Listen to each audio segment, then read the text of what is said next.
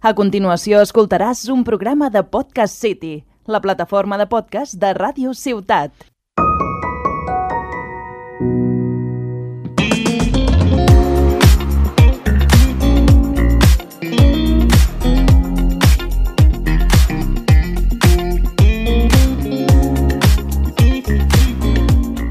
Benvinguts i benvingudes a l'episodi número 10 de Viatges Sonors, el podcast de Ràdio Ciutat de Tarragona on utilitzem els gèneres musicals com a excusa per escoltar música de tot tipus, que ens sona diferent i que ens sembla interessant analitzar.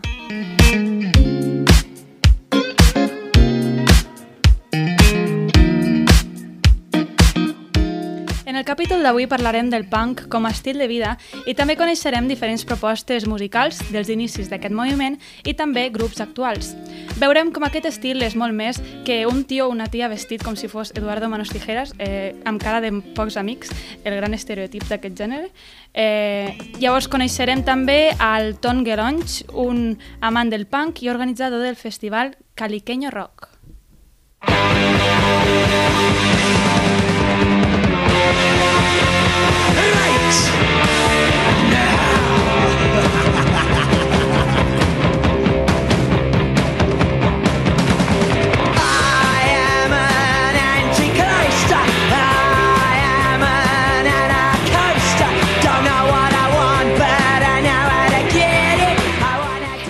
va esdevenir un moviment que buscava alliberar-se dels estigmes socials. Es tractava de persones que no volien donar explicacions i tractaven d'incomodar la societat i provocar rebuig. Això era una forma de qüestionar allò establert i ho podien fer de diferents maneres, com per exemple amb l'estètica o també inclús amb el llenguatge, sent contradictoris, absurds o inclús insolents. Als anys 60, i amb la Guerra Freda de per mig, el moviment que decidia i estava en contra de l'establert eren els hippies, que abanderaven la pau i l'amor i veien el futur amb esperança i optimisme. En canvi, a final dels anys 70 va sorgir un moviment molt diferent, que era el punk, i es caracteritzava per justament el contrari, que era el pessimisme i el desencant envers el futur i la societat en general. Es va passar dels hippies dels 60 als punkis o punks als anys 70. La música punk es va utilitzar com a forma de canalitzar la ràbia i frustració que sentien els joves envers les polítiques capitalistes a Anglaterra i els Estats Units. El punt, el punk, perdó, es va caracteritzar precisament perquè no tenia cohesió com a moviment. No els podies identificar fàcilment. Precisament per no tenir aquestes característiques que els agrupessin, eh, era el que caracteritzava el punk. Pel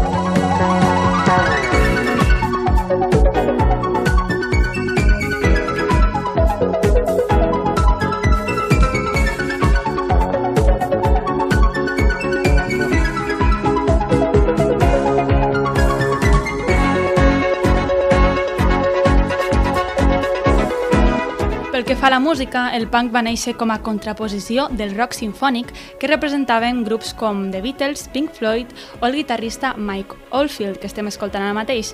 Aquest exemple de rock sinfònic és la cançó Guilty.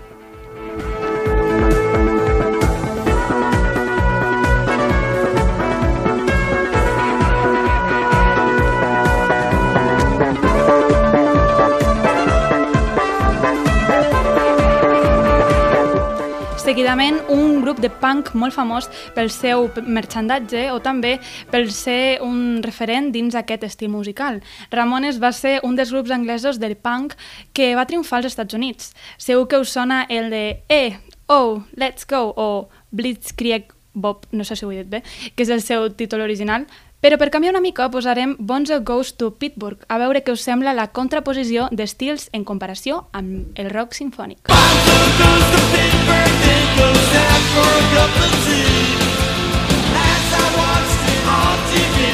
Pick up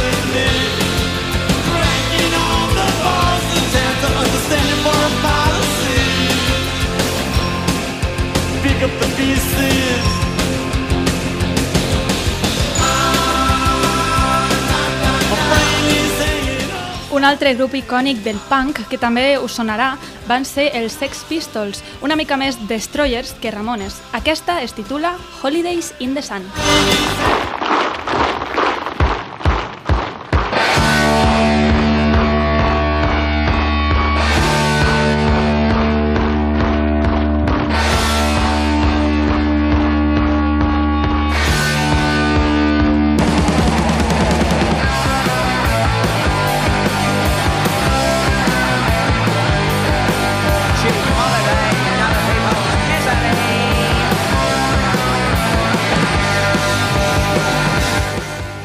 Punk es caracteritzava pels ritmes ràpids, la intensitat de les actuacions, les, cancions, les cançons amb lletres dures i la poca tècnica que normalment es requeria per tocar.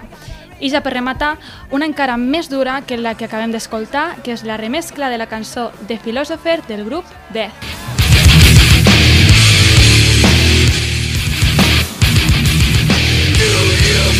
Bueno,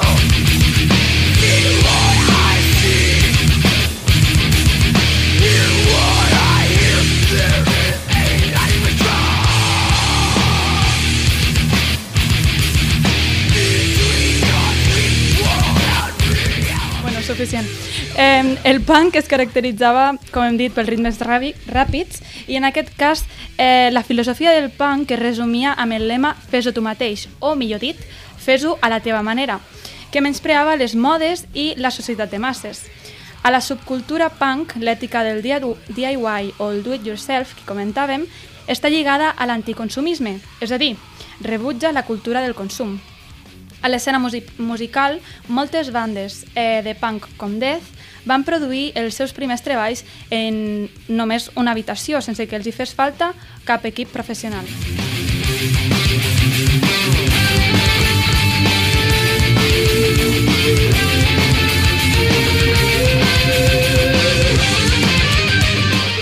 A continuació parlarem sobre algunes de les ideologies i filosofies més habituals dins de la subcultura punk. En primer lloc parlem de l'anarcopunk, el corrent dins del moviment d'ori- d'orientació anarquista.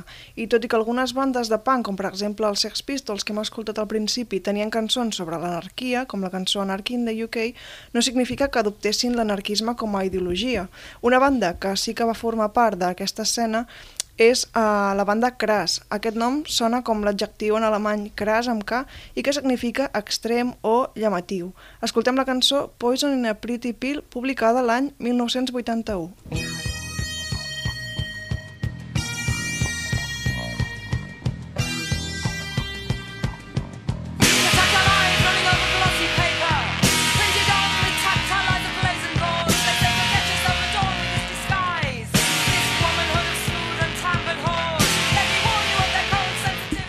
Com dèiem, el principi bàsic del punk s'expressa amb l'eslògan Fes-ho tu mateix, per significar el que seria la llibertat creativa, i l'anarcopunk interpreta això com l'opció d'agafar el control sobre les maneres d'explotació dels propis recursos humans o culturals i, i econòmics.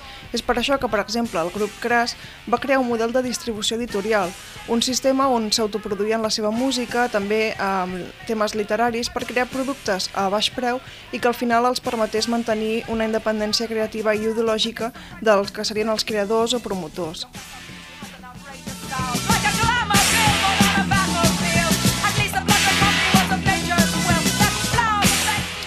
Hi ha una altra variant del punk anomenat punk nazi. Nazi per què? Perquè eren bandes amb una estètica inspirada en l'època de Hitler. Un exemple d'això era que utilitzaven esbàstiques com una forma de generar rebuig i remoure coses, no? com que els miressin malament.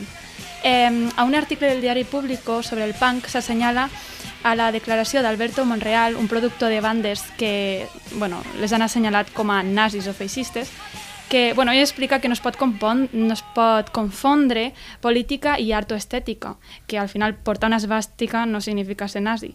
Ell diu, lo vemos desde un punto de vista más irracional y eminentemente artístico. Me refiero a la búsqueda de la transgresión de un sentimiento que te puede provocar rechazo o adhesión. Ara parlem de Riot Girl, un moviment punk feminista que va començar als anys 90 als Estats Units. Aquest moviment, que combinava feminisme, música punk i política, estava format per col·lectius o bandes que s'associaven a, a les dones i solien tractar temes com l'empoderament o denunciar problemes relacionats amb el racisme, el masclisme, la sexualitat o la, la violència domèstica. Pel que fa a les seves posicions polítiques i culturals, a aquest moviment se solia emmarcar en la que seria la tercera onada del feminisme.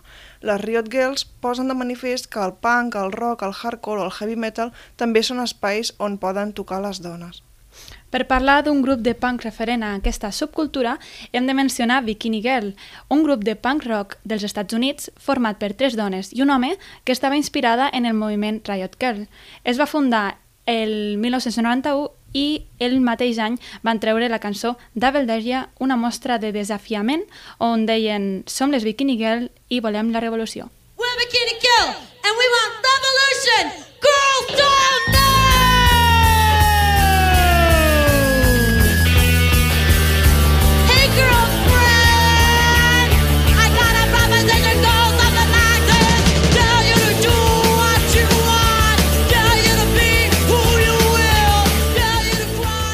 Vale, no era Bikini Girl, era Bikini Kill. Però Això bueno. mateix. Gràcies, Roser, per la correcció.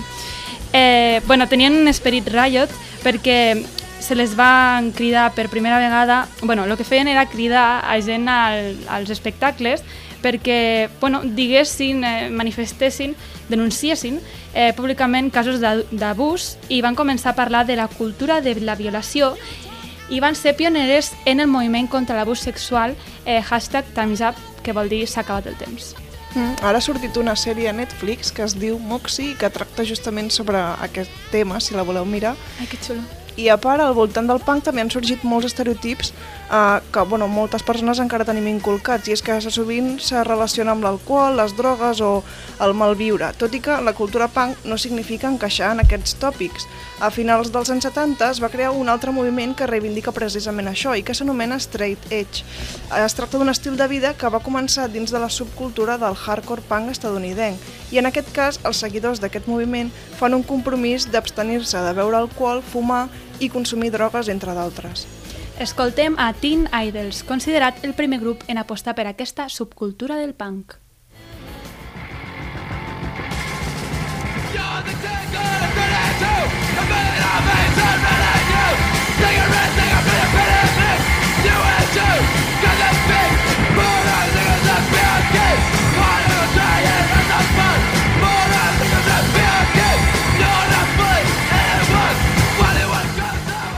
I que l'àlbum Minor Disturbance soni molt heavy, no és perquè parlin de coses il·legals, sinó que en aquest cas escoltem Sneakers, un tema d'aquest recull que es dirigeix a l'oient per preguntar-li per què vols créixer tan ràpid?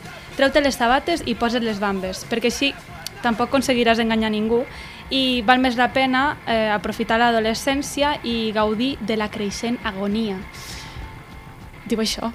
jo què sé. I també us volem recomanar un article de la revista La Mira, que es diu Straight Edge, vida sana, ritme de punk. I eh, bueno, en aquest article una de les frases que, que anomena sobre aquest moviment diu no s'ho imagina ningú, però que tindrà tant d'èxit que en sorgirà un culte de valors entre els joves seguidors de la seva música. I és que bueno, aquest, aquest uh, estil de, de vida el segueixen molts joves, sobretot als Estats Units, i també ens parlen de Minor Threat, com la banda de música punk que origina aquest moviment. Segons expliquen, ho fan de forma inconscient i amb la cançó de 45 segons que es titula precisament Straight Edge, amb lo curta que és quasi podríem escoltar-la sencera. I'm not better than you. Sit around. That's not no. Get out there. That's right. No. That's not.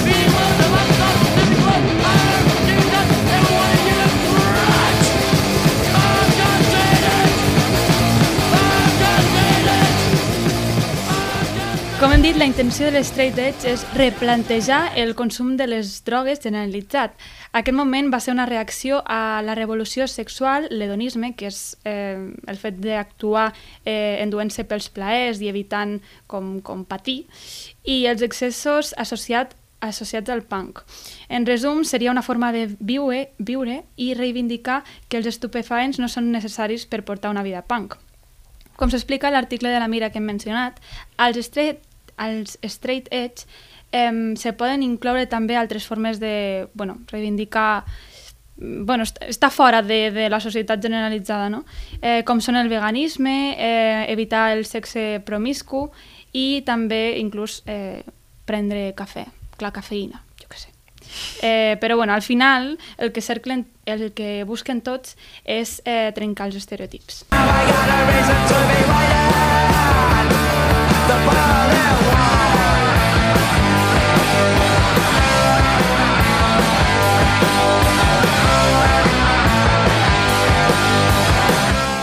per últim, no podríem acabar aquest programa sense parlar sobre el punk com a moviment estètic, i és que l'estètica punk ha perdurat al llarg dels anys justament, juntament amb l'estil de música. Avui en dia, per a molta gent, continua sent una influència, sobretot entre els joves, i fins i tot, de tant en tant, apareix en alguna passarel·la de moda un dissenyador que fa una col·lecció inspirada en el punk. El grup britànic Sex Pistols van ser els precursors i van fer famosa l'estètica punk, que va acabar predominant a principis dels anys 80. De la mateixa forma que amb la música, la moda punk el que feia era rebutjar tot el que era estèticament agradable a la vista. Eh, la roba es manipulava per enviar missatges i per allunyar-se dels estàndards de la bellesa imposats per la societat, que no està mal la idea, la veritat. Eh, L'estil dels pentinats també van ser influenciats pel punk, els caps rapats i les crestes pintades amb tints artificials van cobrar força. Dissenyadors com Vivian Westwood, Westwood van innovar amb les seves peces com el Drying Pip Pants, jeans molt ajustats, i el Bondage Pants, elaborats en tartan eh, amb pegats de cuir. A continuació escoltem la cançó Cuando despiertas del grup punk pop Annabel Lee, que va debutar fa poc i en aquest tema col·labora amb Alberto Cantua.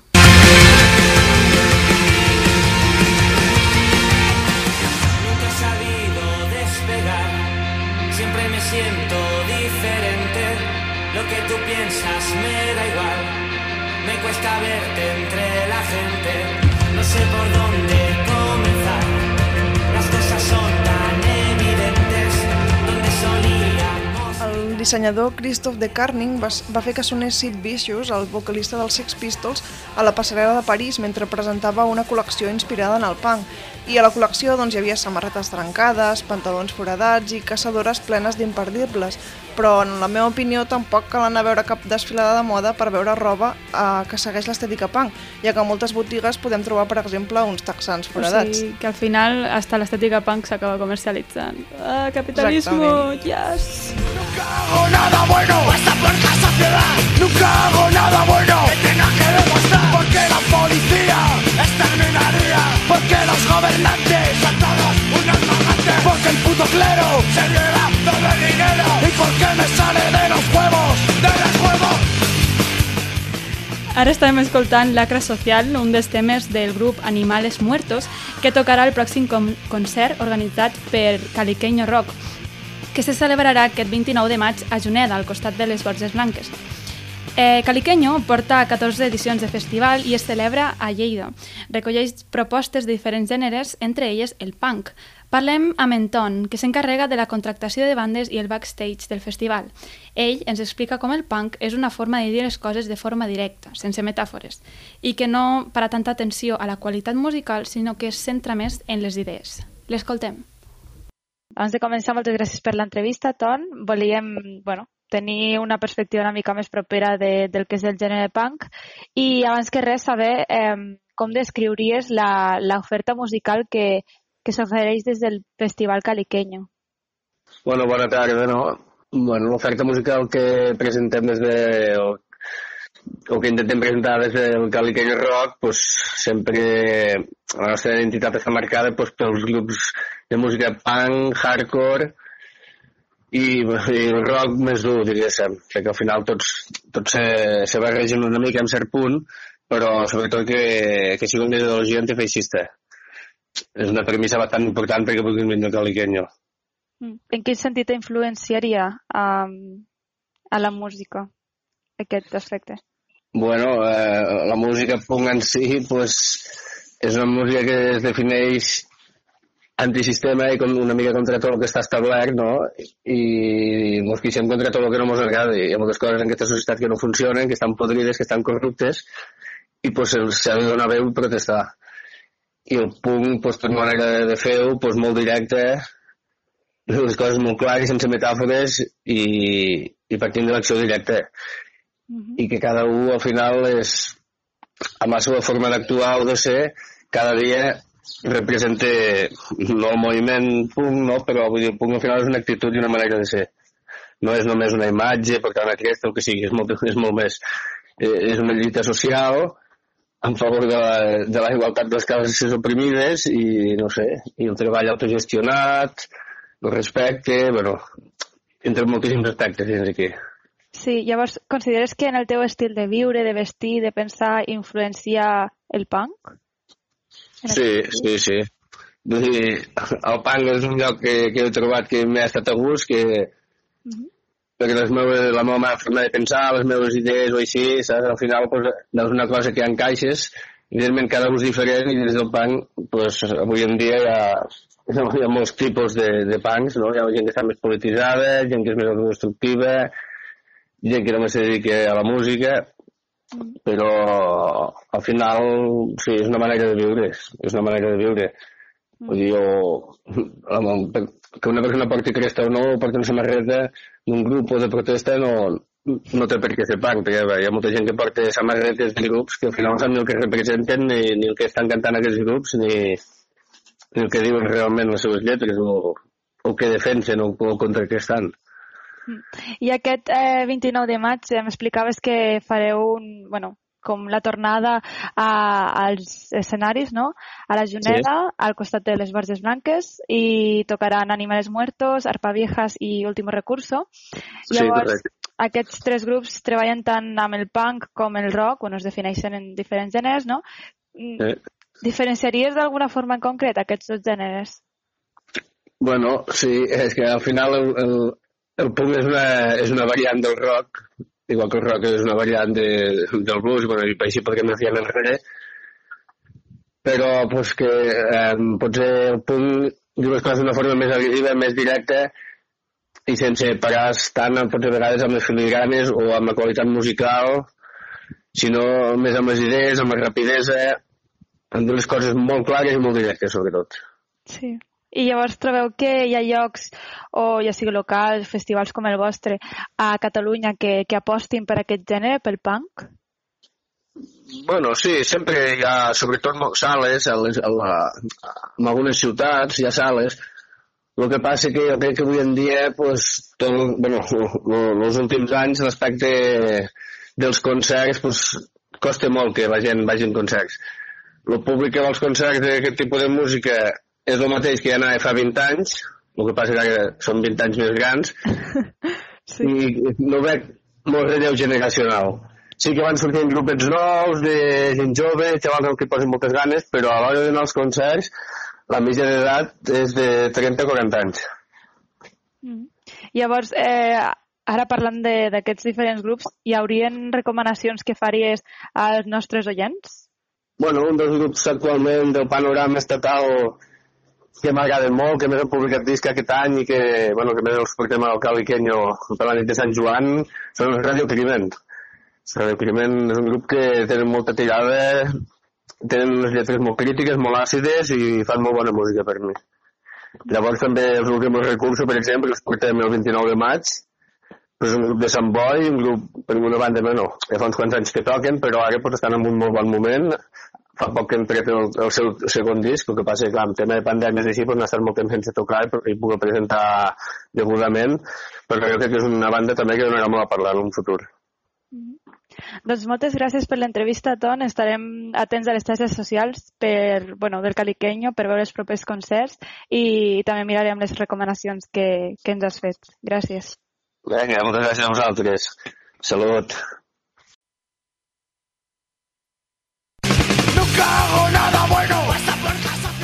Fins aquí el capítol sobre el punk com a estil de vida al nostre podcast Viatges Sonors. També ens podeu seguir al nostre Instagram Viatges Sonors amb dues S i esperem que us hagi agradat. El pròxim episodi eh, parlarem del reggaeton, si és masclista o no, si es parla només de sexe o si també funciona amb altres temàtiques i compartirem propostes que ens féssiu els oients.